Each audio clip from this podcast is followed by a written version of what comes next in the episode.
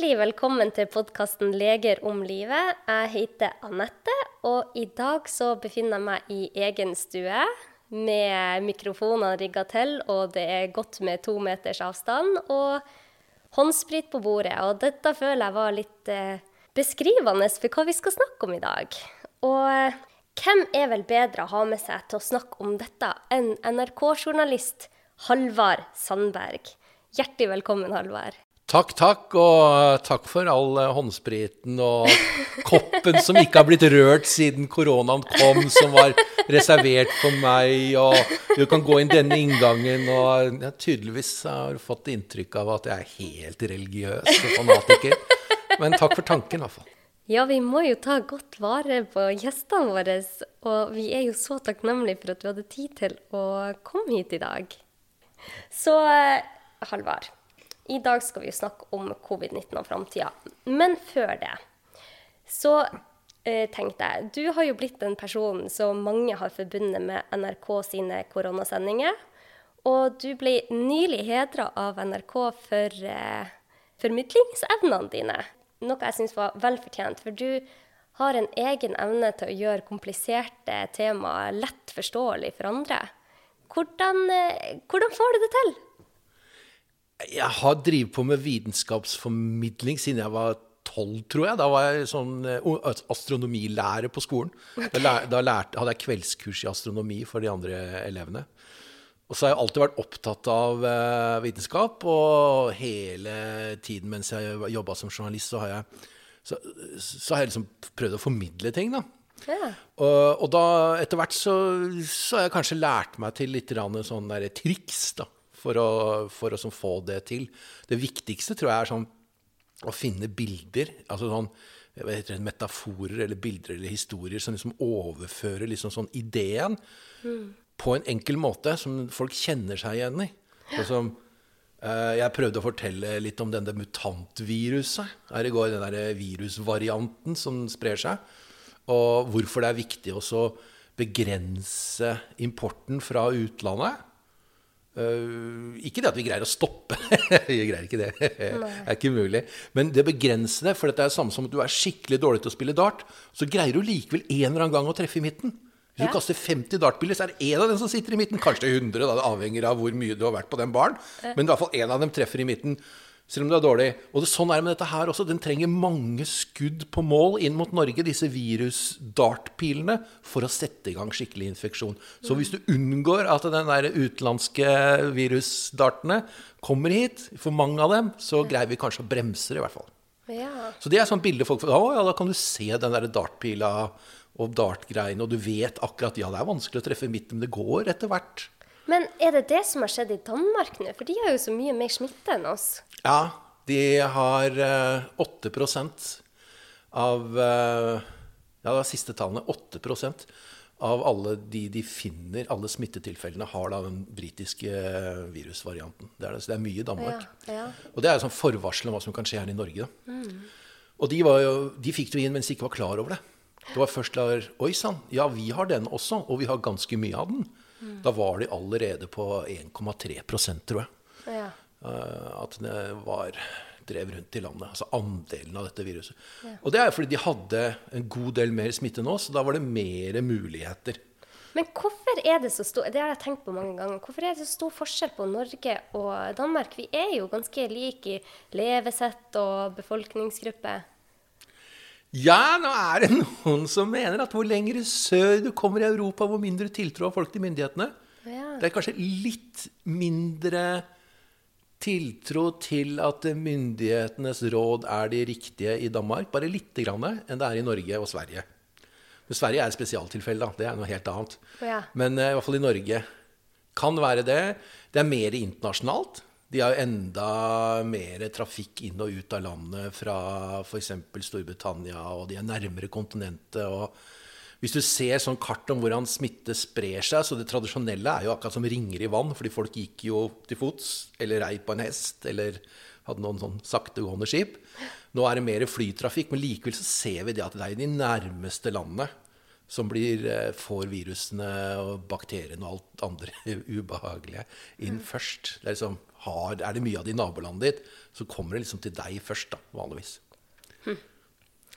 Ja, det er spennende å se hvordan det blir fremover. Men hvis vi spoler ett år tilbake i tid Ett år tilbake i tid. Ok, Ja. sånn eh, nærmer oss slutten av januar 2020. Ja. Ja. Da husker jeg at eh, jeg var i barselspermisjon. Og i den varselsgruppa så hadde jeg ei veldig oppegående eh, dame fra Kina i gruppa. Og hun sa til meg at dette viruset, det kommer. Nå, jeg skjønner ikke at ikke vi bruker munnbind. Jeg skjønner ikke at vi får lov å gå på kafé. Hva er det eh, dere ikke hører på oss fra Kina, sa hun da. Og jeg tenkte på det, og så tenkte jeg hm, ja, tenk hvis hun har rett. Men så bagatelliserte man det jo litt på den tida. Men du var jo veldig tidlig ute. Du ble jo interessert i dette før det i det hele tatt var et tema i Norge. Og hva var grunnen til det? Altså, jeg er spesielt interessert i smitte og bakterier og virus og slikt noe, fordi at det er eh, fascinerende greier. Det er jo én ting. Virus er virkelig fascinerende. Men eh, eh, jeg har liksom hatt liksom litt sånn ansvaret for å dekke sånne ting før i NRK. Slik at når dette skjedde, så, så prøvde jeg å legge merke til det.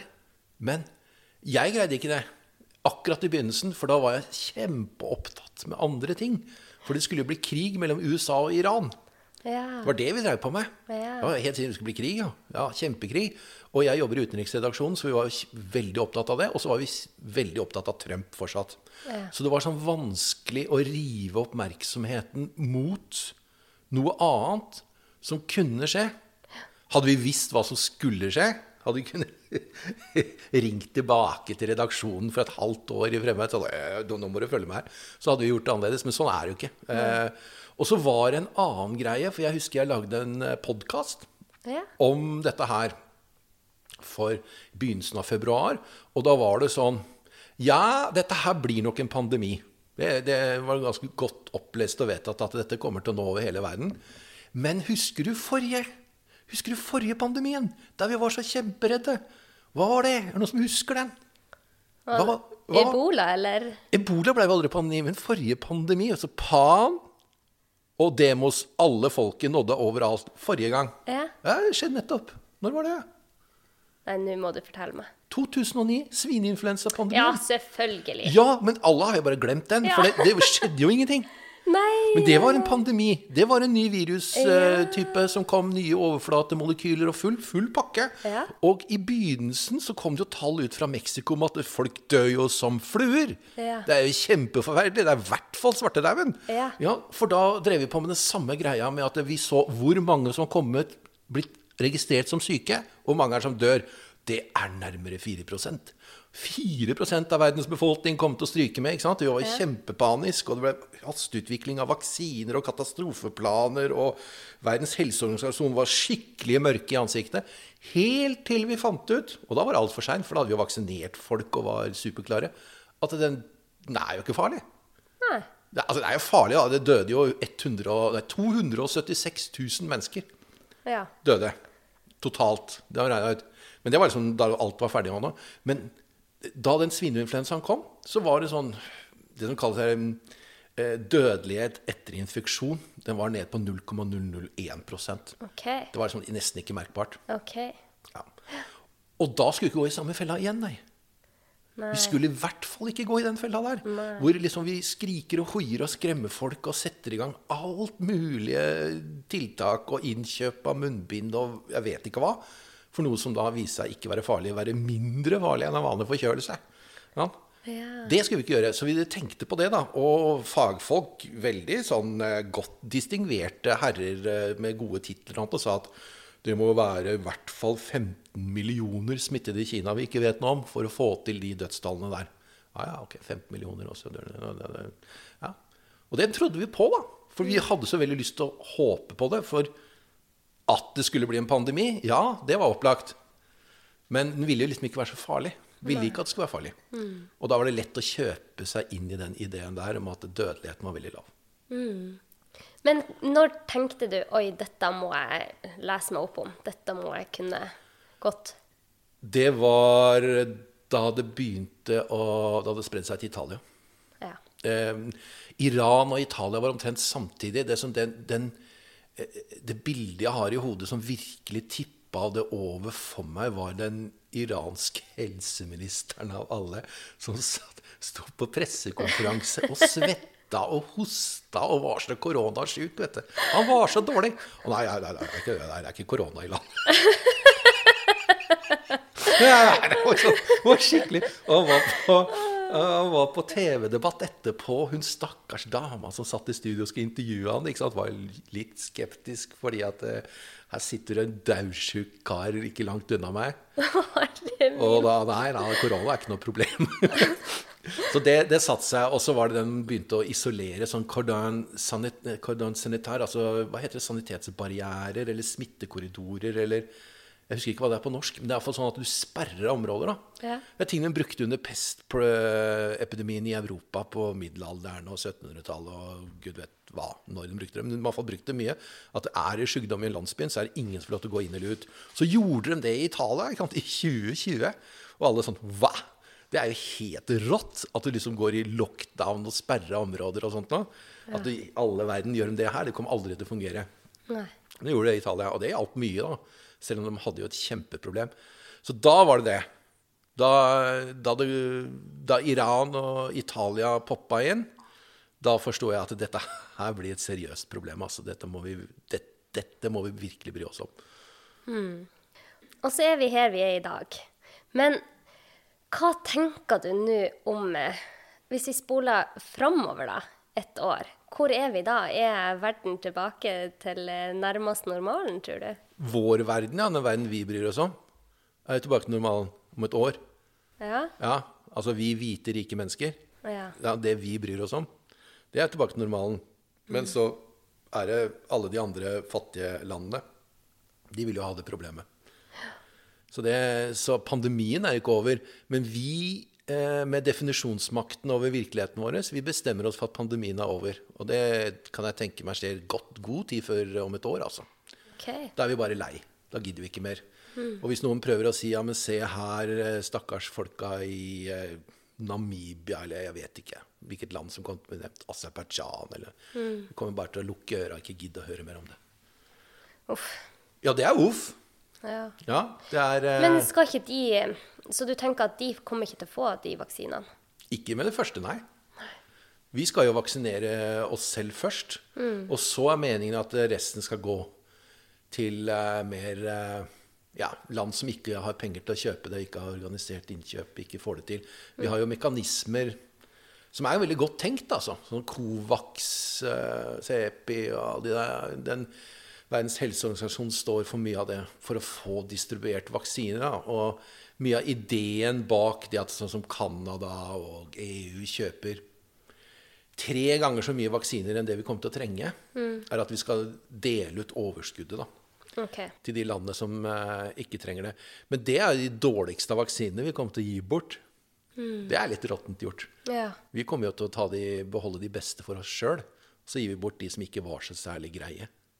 ja, for når vi snakker om disse vaksinene Det er jo kommet eh, vaksine til Norge. Det har kommet to vaksiner til Norge nå. Ja. Og de to er helt like, nesten. De er litt forskjellige, litt forskjellige. Men de er basert på mRNA. De sender sånn eh, koder inn i kroppen din, og så blir du da vaksinert. Biologiske koder. Så moderne greier. Aldri lagd vaksine på det før. Nei. Og så eh, er det nært å bli godkjent en tredje, som er basert på at du sender virus inn i kroppen, som også har med seg biologisk kode, har med seg arvestoff fra viruset, som forteller kroppen din at uh, nå lager du greier slik at du blir vaksinert. Og det, den er blitt brukt før i en annen vaksine mot ebola. Så det kjenner vi litt til. Ja. Og så er det en haug med forskjellige andre vaksiner som kommer.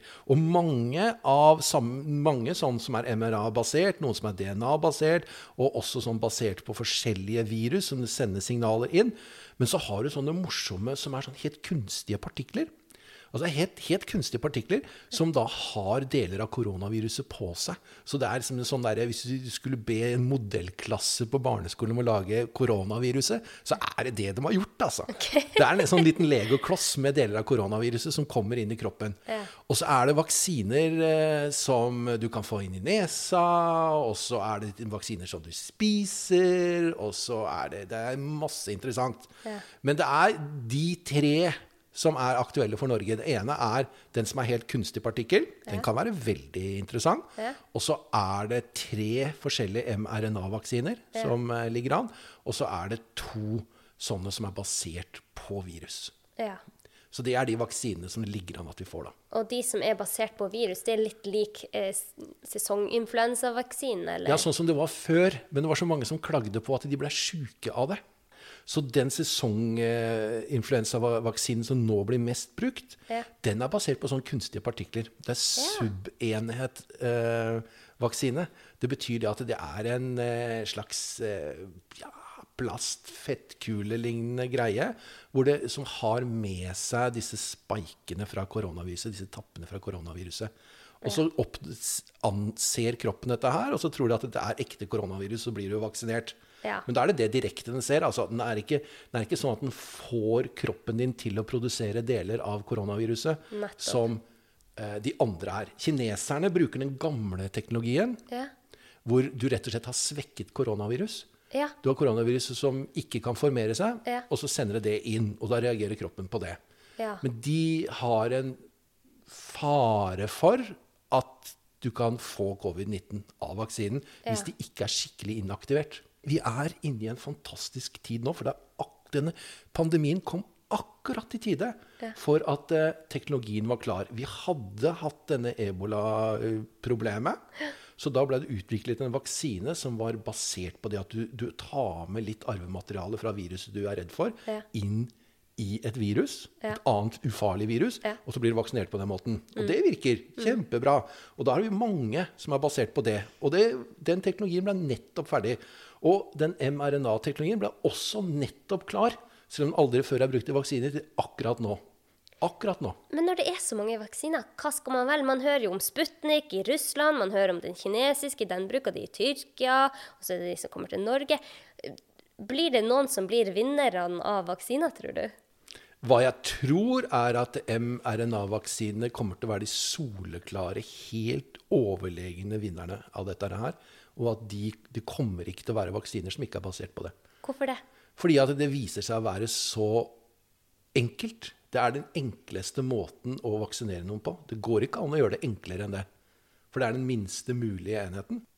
Og det, når du får 95% effektivitet i, i fase 3-undersøkelsen, så er det et overveldende dokumentasjon på at det virker. At du, du, du, du, greier ikke altså, Nå kommer liksom kineserne med sin og greide for 50,03% effektivitet. Okay. Eller 13. 50,13 i en brasilianske forsøk.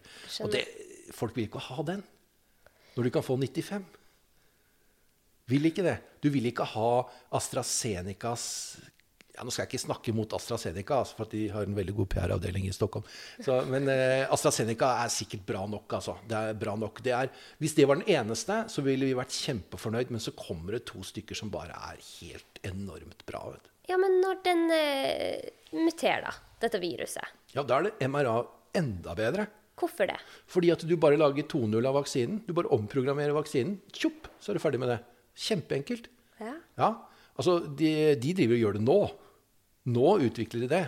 Men eh, de sier at det tar ca. seks uker fra du ser at dette må vi gjøre, til vi kan begynne å levere det til folk. Og de mesteparten av de seks ukene er å produsere det på nytt, og det å få det godkjent. Så de regner, så, så sesonginfluensavaksinen det går ikke gjennom fase 3 og fase 1 og fase 2 nå. Vi vet jo det virker, vi vet det er trygt. Vi bare endrer litt på hvilke virus det skal virke mot. Det er en, endringen. Men det er, det er jo en annen vaksine år for år. Men det er ikke noe uttesting av den. Den bare blir kjørt ut til milliard mennesker uten noen problemer. Og sånn vil det være med mRNA-vaksinen også. Så den er mye raskere å produsere. Så når tror du at vi i Norge er fullvaksinert her? Den voksne befolkningen er nok, av alle som vil ha, er nok det i eh, slutten av juli. Det vil jeg tro. Da er alle, alle som vil ha. Og så vaksinerer vi ikke barna. Men når du sier det, Tror du at vi må ha et såkalt vaksinekort for å reise til utlandet, da? Ja. Du tror det kommer til å Ja, ja, ja. Er det en sånn del i passet ditt, eller er det ja, det blir en app på telefonen din. OK, som står her, jeg er vaksinert, jeg kan reise til alle Ja, verdens og det er like trygt og sikkert. Det de, det de jobber med nå, er å få det sånn datasikkert. Ok. Ellers så har de det, det klart. Ok, hva, hva med de som ikke blir vaksinert, da? Nei, det er synd på dem, dem. OK, men barn, da? Ja, nei, ja, dette her har jeg gått på flyselskapene, som er spesielt interessert i dette her, og eh, en god del andre aktører i samfunnet. Det er en svær sak jeg jobber med nå, akkurat dette her. Ja. Men eh, de mener at eh, der Altså Hvis du bor i et land hvor det er krav om at barna skal være vaksinert, Ja. så vil de barna måtte være vaksinerte for å kunne slippe karantenefritt inn i et land, da. Ja. Eh, F.eks. Spania. Ja. Men hvis du bor i et land hvor det ikke er krav om at barn skal vaksineres, så slipper barna dine karantenefritt inn i det landet, selv om de er en smitterisiko. Skjønner. Så det her er- det, det blir jo en litt ny eh, måte å reise på, da. Ja, dette vaksinepasset det kommer nok til å være en greie. Og så har du en situasjon da, hvor ok, det går litt seinere, slik at vi er midt i sommerferien, vi er midt i juli, og så er det sånn at der alle over 35 er vaksinert, og det er bare vaksinerte som får lov til å slippe karantene fritt ut i Europa. Ja. Og da kan liksom alle gamlisene si til de unge som er så flinke på sosiale medier Adda, badda, du kan sitte der med Snapchatten din og TikToken din og kose deg hjemme. Mens vi er ute og frie og reiser i år. Sitter på Gran Canaria og kose seg. Uten barna. Ja. Nei, dere kan dessverre ikke være med dere, altså. Nei. ja, det her blir spennende å følge med på, altså. Så reiselivet, det blir eh, noe helt annet. Men tror du vi kommer til å reise like mye? Nei. Nei, nei. Jeg tror ikke det. Eh, jeg tror at det har blitt skapt en sånn litt frykt for det store utland. For all virus har jo kommet fra utlandet. Så den kommer til å sitte litt i. Eh, og så blir det mye mindre reiseaktivitet i forbindelse med møter og konferanser og, og lignende. Mye mindre av det. Så mm, flybransjen har nok fått en alvorlig skudd for baugen. eh, Og at må innskrenke seg litt pga. den pandemien. Ja, Så det går ikke tilbake til normalen, tror du? Altså Normalen for flybransjen var jo en kontinuerlig vekst helt til Greta Thunberg eksploderte. Ja. Altså Det var jo, De skulle bare fortsette å vokse. Ja, ja. Og det blir jo ikke sett som eh, bærekraftig i det hele tatt at vi skulle fortsette å fly. For vi greier ikke å elektrifisere langdistanseflyene våre raskt nok. Nei. Så det ville være en enorm miljøbelastning hvis vi skulle øke reiseaktiviteten vår med 6-7-8-9% i året. Hele den rike delen av verden. Så det tror nok at Men nå er jeg langt utafor ekspertiseområdet mitt. Det eneste jeg er ekspert på, vet du hva det er? ja? Nei, Det det er vet jeg ikke. tidlig amerikansk romfartshistorie. Ok, Det får bli en annen podkast, Halvard.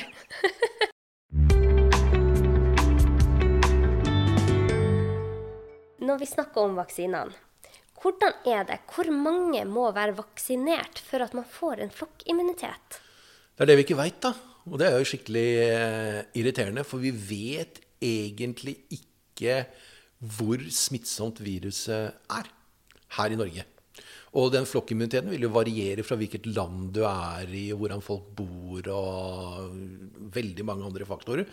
Men her for eh, Norge, jeg kan kanskje si for Oslo, da, så har det blitt eh, anslått omtrent 70 da, ut fra at det hadde en sånn smittsomhet med dette tallet R-tallet som har gått igjen og igjen og igjen, på sånn et eller annet sted mellom 2,5 og 3. Ja. Og da trenger du det. Eh, Så mange vaksinerte, eller folk som er immune etter å ha gått gjennom sykdommen, for at det skal stoppe opp. da. For eksempel at den vaksinekula som går og skal treffe noen, den møter mål som den ikke kan gå, eh, trenge gjennom så ofte at det rett og slett stopper smittegreiene. Det sprer seg ikke videre. Men er 70% inkludert barn, da? Det kommer an på hvilken rolle barn har i smittespredningen. Ja. For det vet vi ikke. Nei. Nei, og det er så også ukjent. Og så har du disse virusvariantene som da er mest sannsynlig mer smittsomme, og som mest sannsynlig vil ta over eh, overalt. Eh, At vi da har en pandemi 2.0 med en høyere R. Og da trenger vi enda flere som er immune for å, inngå, for å få flokkimmunitet. Da kan vi kanskje opp i 90 begynne å nærme seg meslinger. OK. Ja. Så da er du eh, Da har du en suppe. Så det er så massevis av ting som er ukjent. Jeg sendte nettopp ut på Twitter det at det, hvis det er noen som er skråsikre noe i forbindelse med covid-19, så må du ikke tro på dem.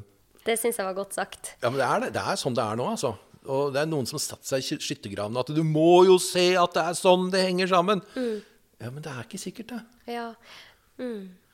Ja, hva tror du, når vi snakker om dette, hvordan tror du det blir videre? For nå er det jo sånn, ja, hvis jeg er blitt forkjøla, så tenker man ja, OK, jeg var på besøk der, og det var dattera der som smitta meg, og man vet hele smitteruten.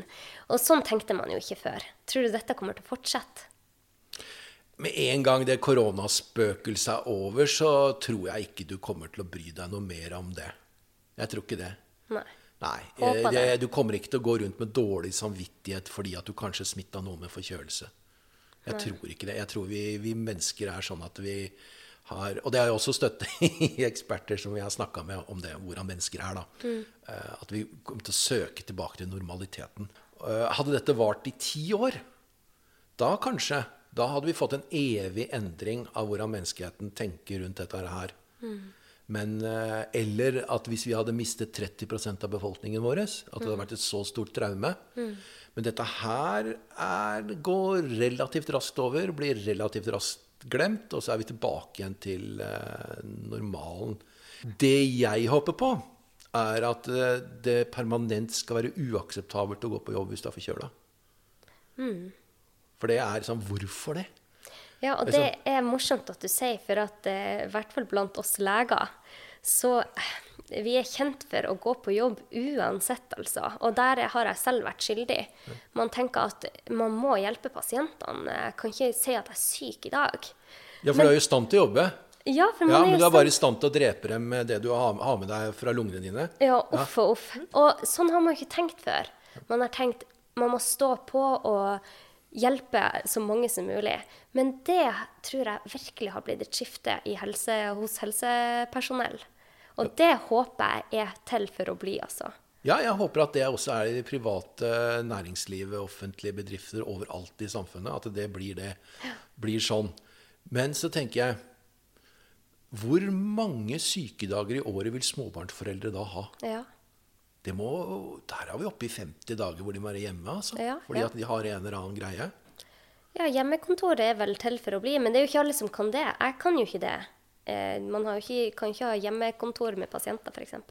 Det kan du ikke, selv om ganske mye tror jeg kan gjøres via videokonsultasjon på sånne litt sånn Ja. enklere ting.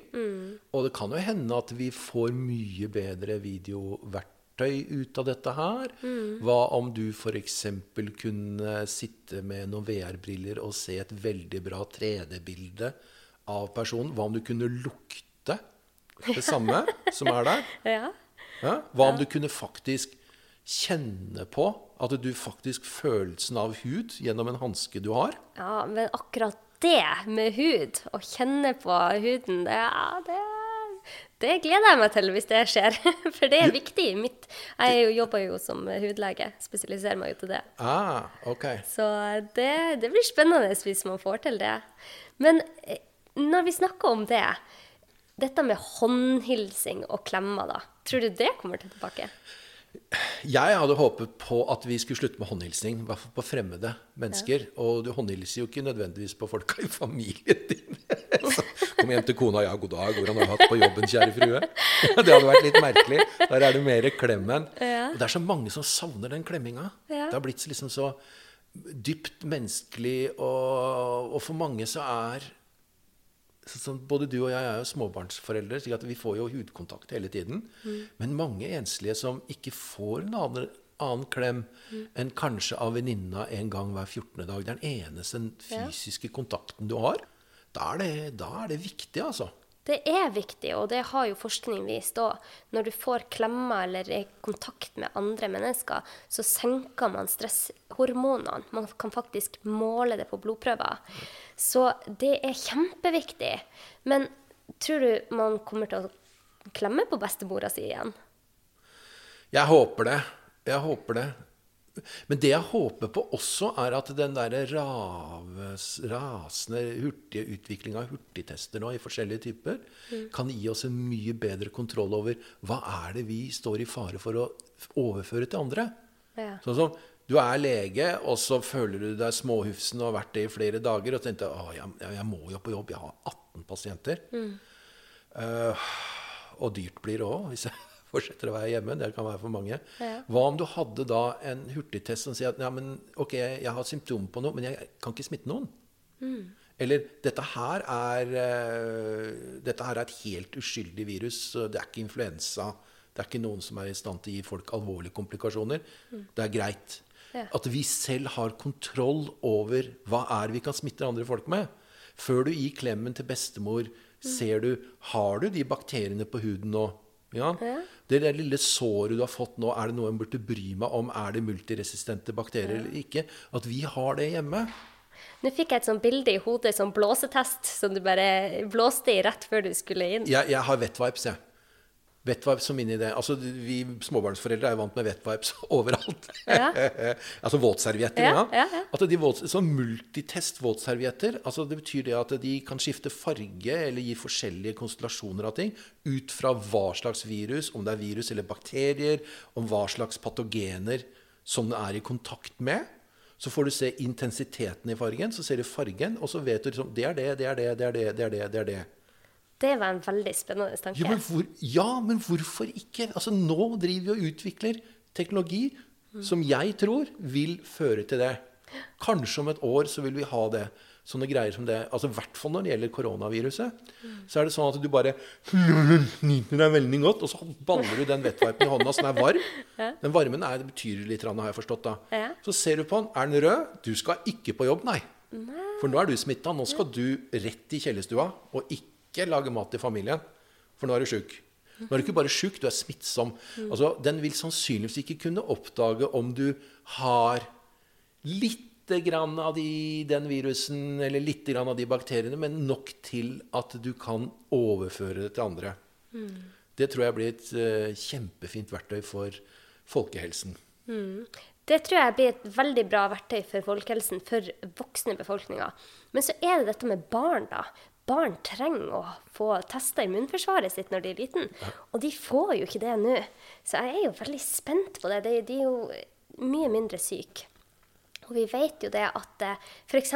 hvis du er et barn eh, yngste i flokken på fire, så er det mindre sjanse for at du får allergier eller atopisk dermatitt. Og de tror det er den hygienehypotesen, da, at det ikke er så rent. Du kommer i kontakt med flere bakterier og virus, og så får du rusta immunforsvaret ditt. Hæ? Og dette forsvinner jo kanskje. Ja, vi gjør det enda reinere, mer antiseptisk eh, rundt oss. Helt, helt klart. Ja. Og jeg tror jo virkelig på de som Du må la barna få lov til å spise jord. Du må Ja, ikke si 'æsj, fysj'. Ikke sant? Ikke spis jord. Der er jeg helt enig. Jeg oppfordrer ungene mine til å spise tingene de finner på bakken. jeg. Ja, ja, ja. ja. For at det, det der er bra for dem. ja. Men uh, hva har det å si for uh, hva koronaviruset blir? For der blir det jo det at jo, alle blir jo trent i å takle det. Ja. Så, så det, det kommer jo til å være uh, kanskje, vi, kanskje det holder med at vi blir vaksinert én gang, og neste gang så tar vi det bare naturlig. Ja, når neste variant kommer. Ja, men hva tenker du om framtida? Blir vi kvitt dette viruset? Nei, det toget er gått, og nå er det jo allerede i dyr. Slik at vi, om vi greier å bli kvitt det i alle mennesker på en eller annen mirakuløs måte, så spiller det ingen rolle, fordi at det er allerede reservoarer av det i dyr som vi da vil smitte mennesker igjen. Dette her vil være blant oss til evig tid. Det vil være som de andre koronavirusene som sirkulerer som vanlig forkjølelse, som vi ikke bryr oss om i det hele tatt. Og som du som har eh, små barn, helt sikkert har blitt utsatt for gjentatte ganger i løpet av de siste årene. Det er bare at det blir mindre farlig. Det kan jo hende det at de som er dårligst, de som da vanligvis får influensavaksine, at de må bli vaksinert én gang i året mot den nye varianten av eh, koronaviruset. Ja. Det kan skje at det blir en del av den vaksinasjonen. Mens resten av befolkningen får bli vaksinert og får første kontakt. Neste gang så merker vi ikke så veldig mye til det. Tredje gangen så merker vi enda mindre til det, og så blir det som en forkjølelse. Men at den kommer til å være her, er helt sikkert. Det blir veldig spennende å se. Jeg tenker at i mellomtida så er det i hvert fall ikke galt i å spise sunt og få sin søvn, og prøve å ikke stresse for mye. Det er akkurat de tre tingene jeg synder mest på nå. Jeg spiser dårlig, sover altfor lite og stresser altfor mye. Det har jeg gjort. Nei, det har bare vært sånn under den pandemigreiene her nå. Så du sover for lite fordi du bruker så mye tid på å lese deg opp? Ja. Og så spiser jeg dårlig, for jeg spiser uregelmessig. Ja. Ja, og så har jeg hjemmekontor ved siden av kjøleskapet. Ja. Ja. Og så har jeg tidspress og mye stress og press ellers, så jeg er stressa hele tiden. Men da vil jeg gjerne hjelpe deg med dette, Halvard. så, så Du, hvis, du kan hjelpe meg med å fjerne pandemien. Bare fjern hele koronagreiene, så kan jeg ta mine tre måneder på helse, helsespa, som jeg har lovt sjefen min. har du lovt sjefen din det, ja? Ja. Ja, men det håper jeg de betaler for, for du har gjort en god innsats her under pandemien. Det skal være helt sikkert. Takk for det, så håper jeg at jeg lever til jeg får vaksine. Ja, det gjør det. Tusen hjertelig takk, Halvard, for at du hadde tid til å være med i podkasten vår. Det var veldig hyggelig å være i stuen din. Veldig hyggelig. Da får du ha en fin uke videre.